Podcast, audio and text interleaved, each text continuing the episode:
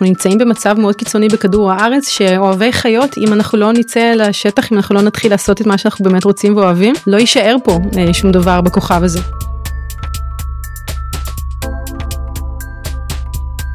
שלום מאזינות ומאזינים יקרים, איזה כיף שהגעתם לעוד פרק בהסכת עבודתי, וכאן נדבר על העבודות החשובות והמעניינות בישראל, אני נדב פרס, והפעם החלטנו להביא שתי אורחות לתוכנית העוסקות באותה עבודה מצדדים שונים של המטבע. האורחת הראשונה היא מאלפת כלבים וחתולים, וגם היחידה בארץ העוסקת בתחום אילוף תוכים ומלמדת לאלף בשיטה חיובית ללא כפייה. שלום לאפרת סימון. שלום שלום. והשנייה מאלפת סוסים לאילוף ראשוני ותחרותי, כן כן, עוד מעט ננסה להבין את ההבדל, כבר כמעט 30 שנה. שלום לגילי שדמות. היי, נעים מאוד. וכאן נמצא עוד אורח מיוחד.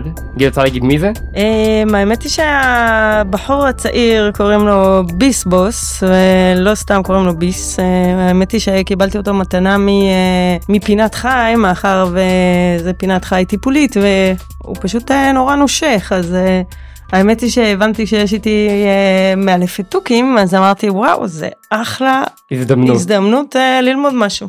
אולי. ספרי אחרי כך על הסוס, יש לי סוס שהיה לי קשה מאוד לרכב עליו אז ויתרתי על זה כי לא רציתי שיסבול. היום רוכבים עליו באיזושהי חווה אחרת אבל אה, מקווה שהוא בסדר. תראו מה זה, זה ממש, אה, האמת שזה באמת מזל, שכאילו את עובדת איתה ואת עובדת איתה זה באמת אה, פוקס לגמרי.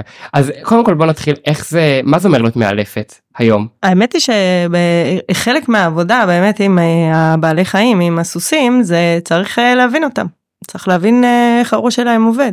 אם אנחנו אה, לצורך העניין אנחנו רוצים אה, להיעזר בהם, אם זה בשביל רכיבה, אם זה בשביל תחרויות, אם זה בשביל רכיבה טיפולית, אז אה, באמת צריך להבין איך הראש שלהם עובד על מנת באמת שזה יהיה כמה שיותר הומני.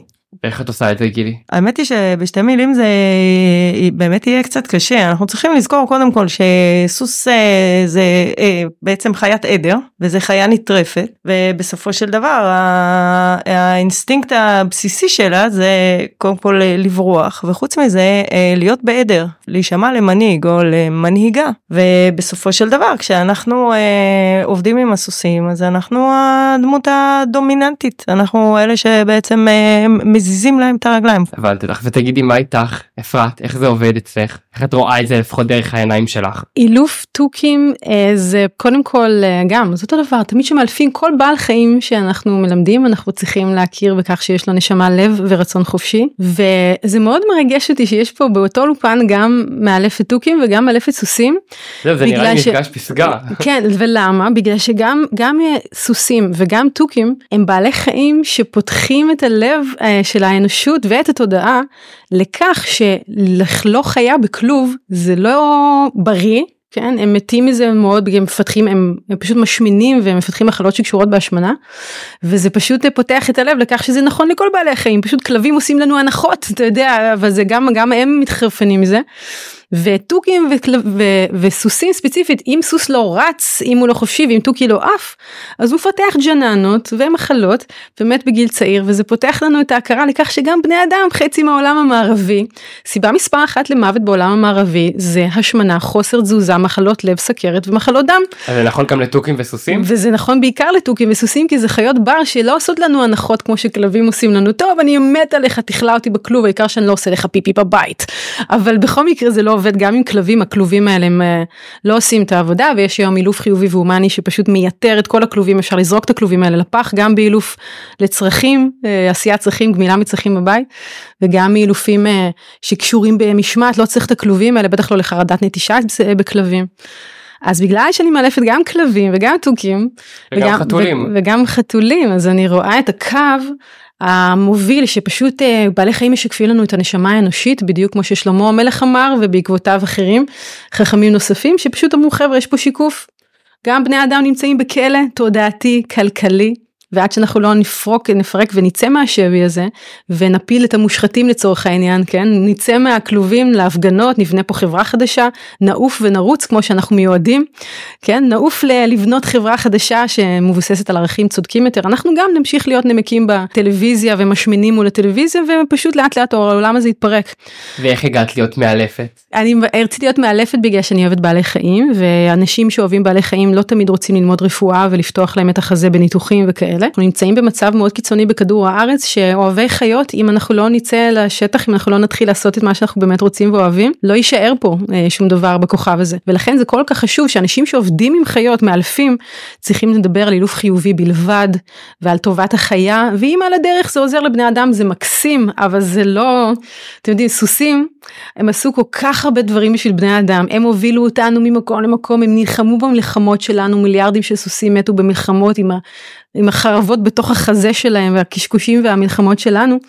ועכשיו שכבר לא צריך אותם בשביל מלחמות כי יש טנקים אז לפחות בוא נחזיר להם את הטובה הזאת ונפצה אותם בכך שלפחות את האילוף נעשה בשיטות חיוביות מתקדמות הומניות מדעיות ולא כל ה... אתה יודע שוטים ו... והפחדות כי הם אה, מאוד רגישים. אבל זה מה שאת חושבת שקורה? רוב האילוף אה, בארץ של סוסים כלבים הם אילוף פרימיטיבי לחלוטין אף אחד לא מכיר בזה שהיא לא צריך להשקיע כוח פיזי אה, זה פשוט אבל זה עולם שמתפתח אילוף חיובי והומני תופס תאוצה על גלי אתה יודע גלי הרוחניות החדשה והחיבור החדשה של בני אדם לכדור הארץ. האמת היא שאני חייבת לומר שלפחות בכל מה שקשור לסוסים כל מי שמבין דבר או חצי דבר בבעלי חיים בכלל בצורה של אה, כוח והפחדה אי אפשר אה, אי אפשר ללמד כלום. אז יש כמה דוגמאות שאולי כדאי לתת אה, למשל תוכי אני אשמח לשמוע סוסים אבל תוכי שמפחד מהבעלים כי הוא מפחד שיכניס אותו לכלוב אפילו בלי קשר לעונש סתם כי צריך ללכת לצאת מהבית תחזיר את התוכי לכלוב. אגב בסוגריים לא חייבים אפשר להשאיר אותו מחוץ לבית אין אני חיה בלי, בלי כלובים לקוחות שלי כבר חיים בלי כלובים כלובים זה חירום בלבד אשכרה חירום אם רוצים ללכת לווטרינר אז שמים את התוכי בכלוב כי צריך ללכת לווטרינר אבל גם זה אפשר לנסוע, לנסוע עם אוטו עם התוכי על הכתף באוטו. אז פשוט זה משהו שאין בו הרבה באמת צורך ולאט לאט אנשים ככה אני באה אליהם ואני אומרת להם אוקיי בוא נתחיל מזה שהתוכי יהיה משוחרר בסופאשים. תתחילו בסופש אם אתם בבית אתם רואים איפה הוא הולך ואיך גורמים לו לא לכרסם את הרהיטים ולא לכרסם את הווילונות ולא לכרסם את הקירות או לא לנשוך אותנו זה כבר כן זה כבר הסיפור של אילוף וטיפול התנהגותי וכדי שלא ינשך אותנו הדבר הראשון שצריך לעשות כדי לטפל בנשיכות של תוכי או כל בעל חיים להפסיק לעשות לו דברים שמפחידים אותו כאילו זה כל כך פשוט זה מול העיניים. וזה... אבל הנה זה לא הצליח כאילו אפרת פה לא גילי לא הצליחה כלומר זה איזשהו משהו שמסובך הרי נכון, בשביל זה יש מעטפים. אותו מהכלוב לא? האמת היא שניסיתי להוציא אותו מהכלוב ואני לא חייבת להגיד שיש לי ארבעה ילדים והוא ישר אה, האמת היא בשמחה רבה קפץ לי על, ה, על הכתף. הוא נורא חמוד הוא מדבר הוא אומר מה נשמע? הוא, הוא אומר מה נשמע? הם לומדים לבד לנשוך? כי זה משרת להם איזה לפי 아, ה... לנשוך לדבר הם לומדים לבד לדבר? הם גם לומדים לבד לנשוך כי הם לומדים לבד להתגונן. נשיכה זה התגוננות איך שלא תסתכלי על זה זה התגוננות ויכול מאוד להיות שהוא היה בחנות חיות ומוכר ככה הוציא אותו בכפייה מהכלוב שם אותו על הכתף של עשרה ילדים ביום. ומאז הוא אומר לעצמו טוב בני אדם זה עסק אה, מסובך ולא כדאי לסבוך עליהם אז הם שמים ביסים. אבל ברמת היום יום אנשים אה, פשוט שאוהבים את התוכי שלהם כמוך כמו אנשים אחרים הם בעצם לא רוצים שום דבר נגד אבל מה שקורה נאלצים במרכאות לעשות לתוכי משהו שהוא לא אוהב וזה בעיקר להכניס אותו לכלוב לפחות לכאורה לפחות בלילה ולא תמיד הם אוהבים את זה. יש תוכים שזורמים אבל רוב התוכים לא רוצים שיכניסו אותם לכלוב כי הם לא יודעים מתי הם יצאו משם. תוכי חווה את הזמן כאילו זה נצח שנייה בשביל תוכי זה כמו 24 שניות בשבילנו כמו כלבים עם שבע. אפרת אני זוכר שבשיחה המקדימה אמרתי שזה כאילו ברמת הרבע שעה 20 דקות כאילו זה לא איזה להוציא תוכי החוצה על היד זה לא איזה. אה רבע שעה 20 דקות זה זמן שנדרש להשקיע באילוף ביום בשביל שתוכי יהיה אשכרה אחלה מכל הבחינות. כלומר ידע לעלות על היד ידע לרדת מהיד ידע להתלטף לחזור לכלוב ללא מגע יד אדם. אז הוא לא, לא, לא יקשר את הכילאון ואת הכלא לידיים שלנו כי יש להם פשוט קישור יש להם אסוציאציה אוקיי ידיים מכניסים אותי לכלוב לא, ואז אנחנו חוטפים ביסים. אז אנחנו אחר כך באמת נעשה את כל הדבר הזה על התוכי פה. האמת היא שאני חייבת לומר שאם ככה יש הבדל גדול בין תוכים לבין סוסים. יאללה שוט. אז מה ההבדל? גילי. ההבדל הוא בסופו של דבר שהדרך של סוס בעצם להבין את המקומו מבחינה היררכית זה פשוט מאוד אה, להזיז את מי שנמצא לידו. זאת אומרת שאם למשל אני לוקחת שני סוסים אני אשחרר אותם במכלאה גדולה שני סוסים שלא מכירים אחד את השני ושאין להם אה, את המעמד כל אחד את שלו. אז איך אה, איך הם אה, איך יקבעו מי המנהיג מי הדומיננטי יותר? הם פיזיים אוקיי? אז אה, בוא נגיד ככה לרוב אם אני אשחרר שני סוסים באותה מכלאה הם לא אה, ישמחו אחד עם השני וילכו ביחד לאכול לא מיד. קודם כל הם אה, סביר להניח אה, ינשנשו אחד את השני ינשכו טיפה אחד את השני אולי קצת יריבו ובסופו של דבר אחד מהם יזוז זה שיזוז ראשון זה בעצם מישהו פחות דומיננטי. אז uh, כשאנחנו מדברים על, uh, על uh, נשיכות אז סוסים בדרך כלל לא נושכים. סוסים ה, ה, אין להם אינטרס לנשום. האינטרס שלהם זה אם לא נוח להם זה באמת לז, לזוז ללכת לברוח. אבל נשיכה זה בדרך כלל איזשהו הפגנה של כוחניות. איזשהו מקום שאומר אני המנהל אני הבוס וכשההבדל בין אה, אולי תוכים באמת אה, לסוסים זה שסוס זה חיה גדולה ואם הוא מחליט אה, להכריז על, על מעמד יותר גבוה זה יכול להיות בעל חיים שיכול לסכן. אני חושבת שצריך להסיט את הדיון מדומיננטיות זה עשה יותר מדי נזק לבעלי חיים לכלבים לסוסים כל הסיפור שמי יותר ממי מי יותר חזק ממי זה רק גורם לאנשים להיות יותר, יותר כוחניים ולזנוח את השיטות לא החיוביות לאילוף סוסים. זה לא יותר חזק. יותר דומיננטי מי זה? זה שיח מיותר כי זה פשוט יוצר סליחה שאני אומרת את זה ככה זה פשוט כל הסיפור של מי יותר ממי זה יוצר אילוף uh, מיושן זה יוצר אילוף פרימיטיבי. יש היום שיטות להנהיג חיות בלי לתפוס עליהם תחת. וזה פשוט uh, די צריך uh, צריך לדבר על זה. כי גם באילוף כלבים עשו את הפשע הזה של לדבר על כך שיש כלב דומיננטי ודומיננטיות אה, בגלל לצערי סיזר מילן שעשה הרבה מאוד נזק אה, בעקבות התוכנית שלו בטלוויזיה. אני מאוד אהבתי אותו בהתחלה כי הוא היה, הוא היה איידול שלי בהתחלה עד שבאמת התחלתי ללמוד והבנתי שאין דומיננטיות בכלבים. הפריחו את זה במחקרים הפריחו את זה פשוט זה לא קיים. דוקטור דיוויד מיץ' זה שטבע את המונח דומיננטיות בזאבים ובכלבים התנצל אשכרה ואמר חבר'ה זה לא נכון. אין כלבים דומיננטיים. אבל אני לא חושבת שהשיח צריך להתמקד בזה. אנחנו צריכים לדבר על איך להבין אותם איך לראות את הנשמה שלהם ואת הרצון שלהם ולעבוד עם הרצון שלהם ו... בזה לה... אין לנו ספק. אתה מעניין אותי להבין עד כמה התחום הזה שלכם הוא תחום פרוץ, כמה כל אחד יכול להיות מאלף. לצערי הרבה, לצערי הוא די פרוץ. כאילו... תראה, אמ, האמת היא שלגבי סוסים זה להגיד לך ש, שזה לא פרוץ, שאין טובים וטובים פחות. וכאלה שממש לא טובים. בסופו של דבר אה, אני אני חושבת שגם אה, גם בסוסים כל ההתניה החיובית כל מה שקשור ב...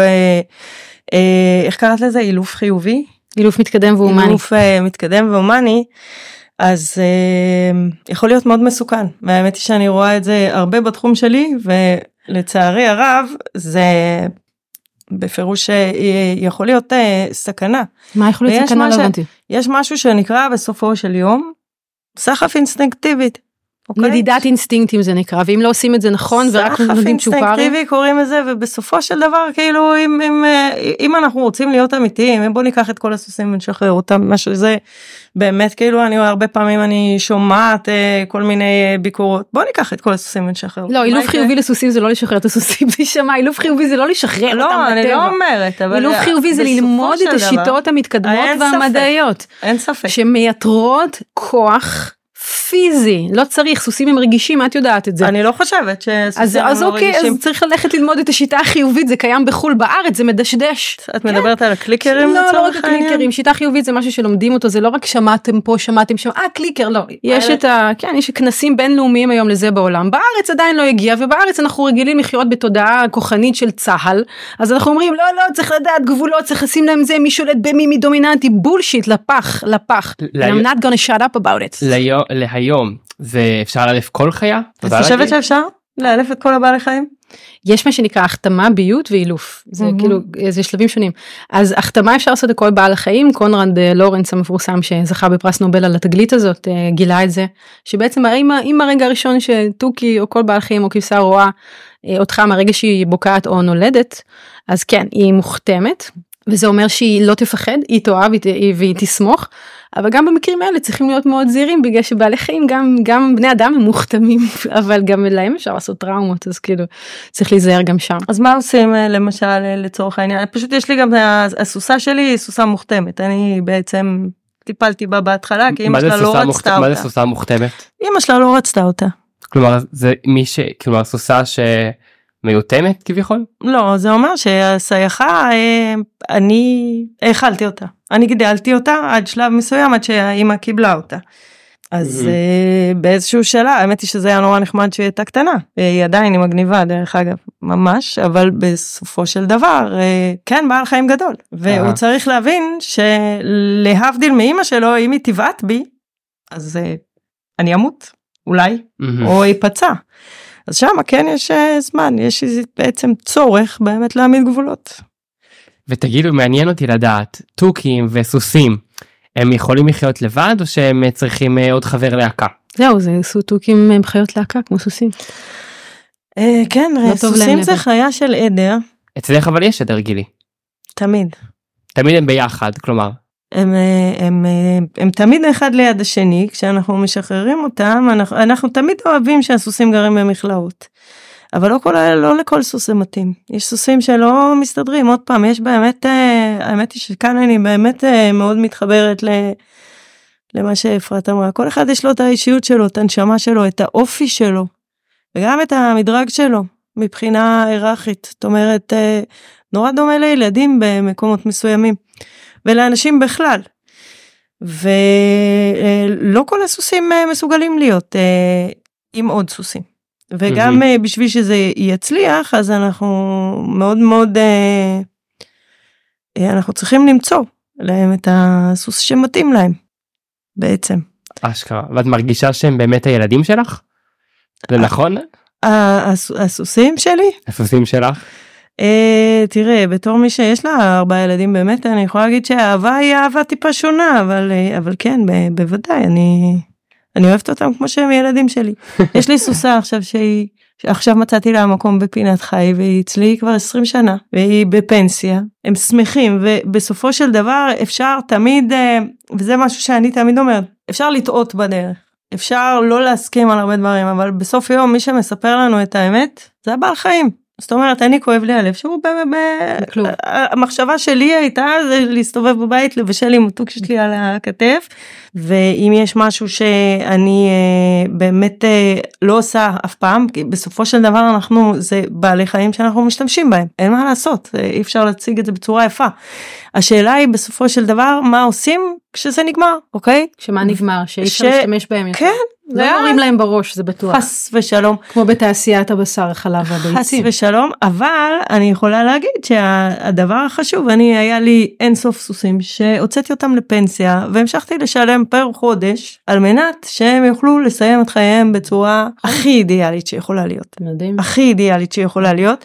ואני אומרת עוד פעם בסוף יום אני חושבת שמה שבאמת נחשב זה האם הבעל חיים שלי שמח או האם הוא עצוב האם התנאים שהוא נמצא עושים לו טוב תגידי, מעניין אותי אה, ככה אה, לדעת גם ממך, אם עם יד על הלב, היית רוצה שימכרו תוכים, שזה יהיה איזשהו משהו שכל ילד יכול לקנות לעצמו בכזו קלות, שאני יכול פשוט ללכת, לקחת לקנות תוכי ואין שום איזושהי בירוקרטיה, שום איזושהי חובה שחייבים לעבור אצל מאלף, זה משהו שהיית רוצה שיקרה?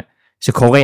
של לא, לשנות זה, אותו? אז, אז טוב שאתה שואל כי זה באמת משהו תראו יש ויכוח סביב זה אני בוא נגיד את זה ככה אני מאלפת תוכים 15 שנה אני ראיתי איך המחיר קפץ כפול פעם ג'אקו עלה 2,000 היום הוא עולה 4,000 ויותר. בגלל הביקוש? בגלל הביקוש עכשיו הביקוש זה מה שצריך להבין פה אנשים תמיד ירצו בעלי חיים ויותר ויותר ירצו וזה מה שקורה רואים בעולם תסתכלו על אינסטגרם טוק דבר מעלה טוב? בעלי חיים אנשים שזה דבר טוב בגלל שאנשים מתגעגעים לטבע והם חוזרים לטבע דרך בעלי החיים שהם מגדלים בבית. אנחנו צריכים לנהל את זה בצורה אחראית כבני אדם בעלי המוח הגדול יותר ולנהל את זה אחראית ולא לאפשר אה, גם אה, כל מיני חרטוטים בנושא אילוף כי באמת היום כל אחד יכול לקרוא לעצמו מאלף אז קודם כל ללמוד את זה כמו שצריך במסגרת אה, רשמית כן אבל לקנות תוכים כל כך בקלות אני לא אגיד לך שזה מצער אותי בגלל שזה כן מציל תוכים מלכידה בטבע. כי תמיד ירצו תוכים אז או שאתה קונה ממגדל או שאתה לוכד אותם בטבע אבל זה לא ייפסק תמיד Mhm. ירצו תוכים אנשים רוצים חיות אנשים נמשכים לחיות כמו מגנט הם רוצים ותחשוב גם כי תוכים תחשוב איזה חיה מדהימה זאת ברור שאנחנו נמשכים אליהם הם fucking. הם מדברים כן, זה מטורף. מה זה חיה? מדברת? ואפרת איזה חוקים את היית מקדמת נגיד שמים איתך עכשיו כל אחד מכם להחליט אה, חוק חדש לבעל חיים שלה לק... לסוס ולתוכי מה הייתן מקדמות עכשיו כאן בכנסת. נגיד- איסור מוחלט על גזירת כנפיים נקודה. מה זה אומר? זה אומר שיהיה אסור לגזור כנפיים אנחנו אגב אנחנו מקדמים את זה עכשיו ברגעים אלה אסור בעוד כמה שנים ספורות כבר יהיה אסור לגזור כנפיים לתוכים וכן יש דרך uh, לאכוף את החוק הזה אנחנו נדבר על זה. Uh, זה פשוט uh, עוול כי זה רק עושה להם נזק הם uh, לכאורה זה כאילו שעון על זה שאם אני אגזור לו את הכנפיים אז הוא לא יברח ואם הוא יברח הוא לא יברח רחוק. בולשיט תוכים עפים החוצה בכנפיים גזורות פשוט הם לא חוזרים שלמים פחות אז חוזרים אז שלמים. למה חותכים? אם זה בעצם גורם להם עדיין לברוח כלומר זה לא הם סתם. עדיין בורחים ולא משנה אם גזרת להם אתמול זה לא משנה זה לא זה לא משנה כמה תגזור להם זה צומח וגם אם זה לא צומח הם יכולים לעוף בכנפיים גזורות פשוט הרבה פחות טוב אז עדיף פשוט ללמד את התוכי עם כנפיים שלמות לעוף אליך בחזרה כמו שמלמדים כלב לבוא אליי כדי שלא ילך לאיבוד. אז אם זה גדל אז למה זה מפריע לך כל כך? לא זה גדל וגוזרים את זה שוב כי שוטפים לאנשים את המוח שזה באמת עוזר וזה שומר מפני בריחה וזה לא עוזר. סטטיסטיקות זהות אני 15 שנה בתחום. אנשים התקשרו אליי בדמעות שאלפי אנשים התקשרו אליי בדמעות כל שבוע לפחות אחד באמת שפשוט אה, התוכי עף התוכי עף להם למרות שהם גזרו לו אתמול את הכנפיים. פשוט הוא לא יודע סטיגמה לחזור. שהיא לא נכונה סטיגמה נקודה. מוטעית כמו הרבה סטיגמות ראינו עכשיו בתקופת הקורונה כמה בולשיט היה רק בגלל שדיברו ומישהו אמר שזה אמר שזה אמר קשקוש בלבוש. מהמם. מי ששואלים אגב את מי שואלים אם זירת כנפיים באמת עוזרת את מי שואלים וטרינרים אי אפשר לשאול אותם מאלפים אפשר מאלפים שבאים מהשטח אבל אין אפשר מספיק לשאול. מאלפי תוכים כלומר את אה, ממש בין הבודדות. כן כן עכשיו אנחנו מכשירים עוד מאלפי תוכים בקורסים כדי שיהיו עוד מאלפי איפה תוכים למדת את זה? בשני מקומות יש אפשר ללמוד את זה בארץ אפשר ללמוד את זה בחול כמובן שעדיף לצערי כרגע בחול אבל מי שרוצה ללמוד בארץ אני מלמדת את זה היום ואפרת תגידי אצלך מה ההבדל בין אה, אילוף אה, לחיית מחמד לאילוף שהוא יותר תחרותי? אה, בארץ למשל יש אה, ספורט שהוא מאוד מאוד פופולרי היום שזה נקרא reining.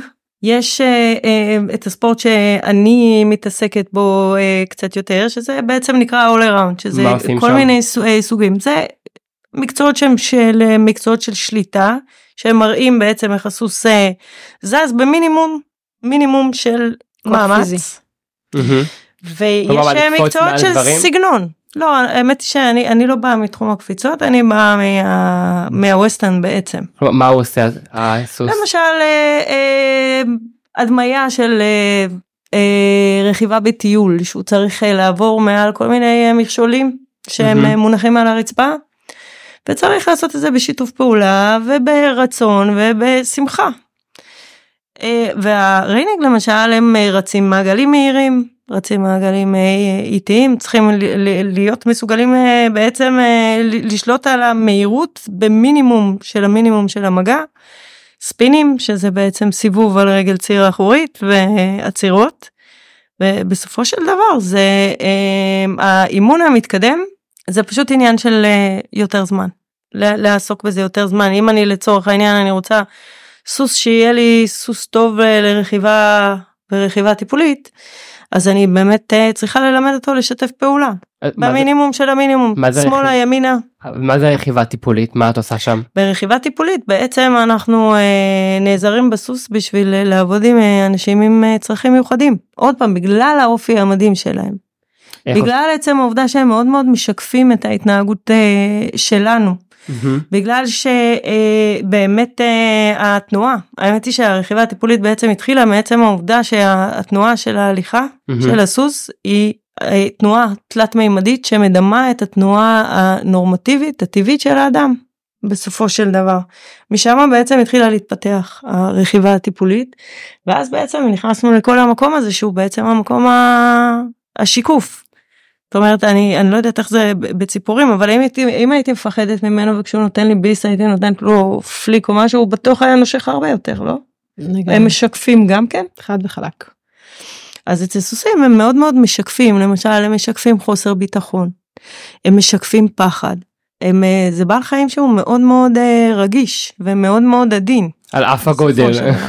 האמת שכן, האמת שכן, סוס יכול להרגיש זבוב אחד קטן יושב עליו. זאת אומרת שהם אמנם בעלי חיים גדולים, אבל הם מאוד מאוד עדינים ומאוד מאוד רגישים, החושים שלהם מאוד מפותחים, יש להם חוש ריח מעולה, יש להם אה, חוש שמיעה מצוין. הכי חשוב. ותגידו מה, שאלה אחרונה לסיום. מה המסר אה, ומה אתן מאחלות למאלפים, למאלפות שרוצים אה, להיות כמוכן. באמת? אני, אני כאילו אמרתי את זה גם, אני ממש הייתי רוצה שיהיה איזושהי מערכת תומכת לסוסים שיצאו לפנסיה. כי אנשים כמוני, אני באמת יכולה לספור אולי על שתי ידיים, שנשארים איתם אה, עד שזה נגמר ו- ו- ו- ו- ולא מגלגלים אותם הלאה. כי באמת שזה לא לגדל תוכי, זה יקר, אוקיי?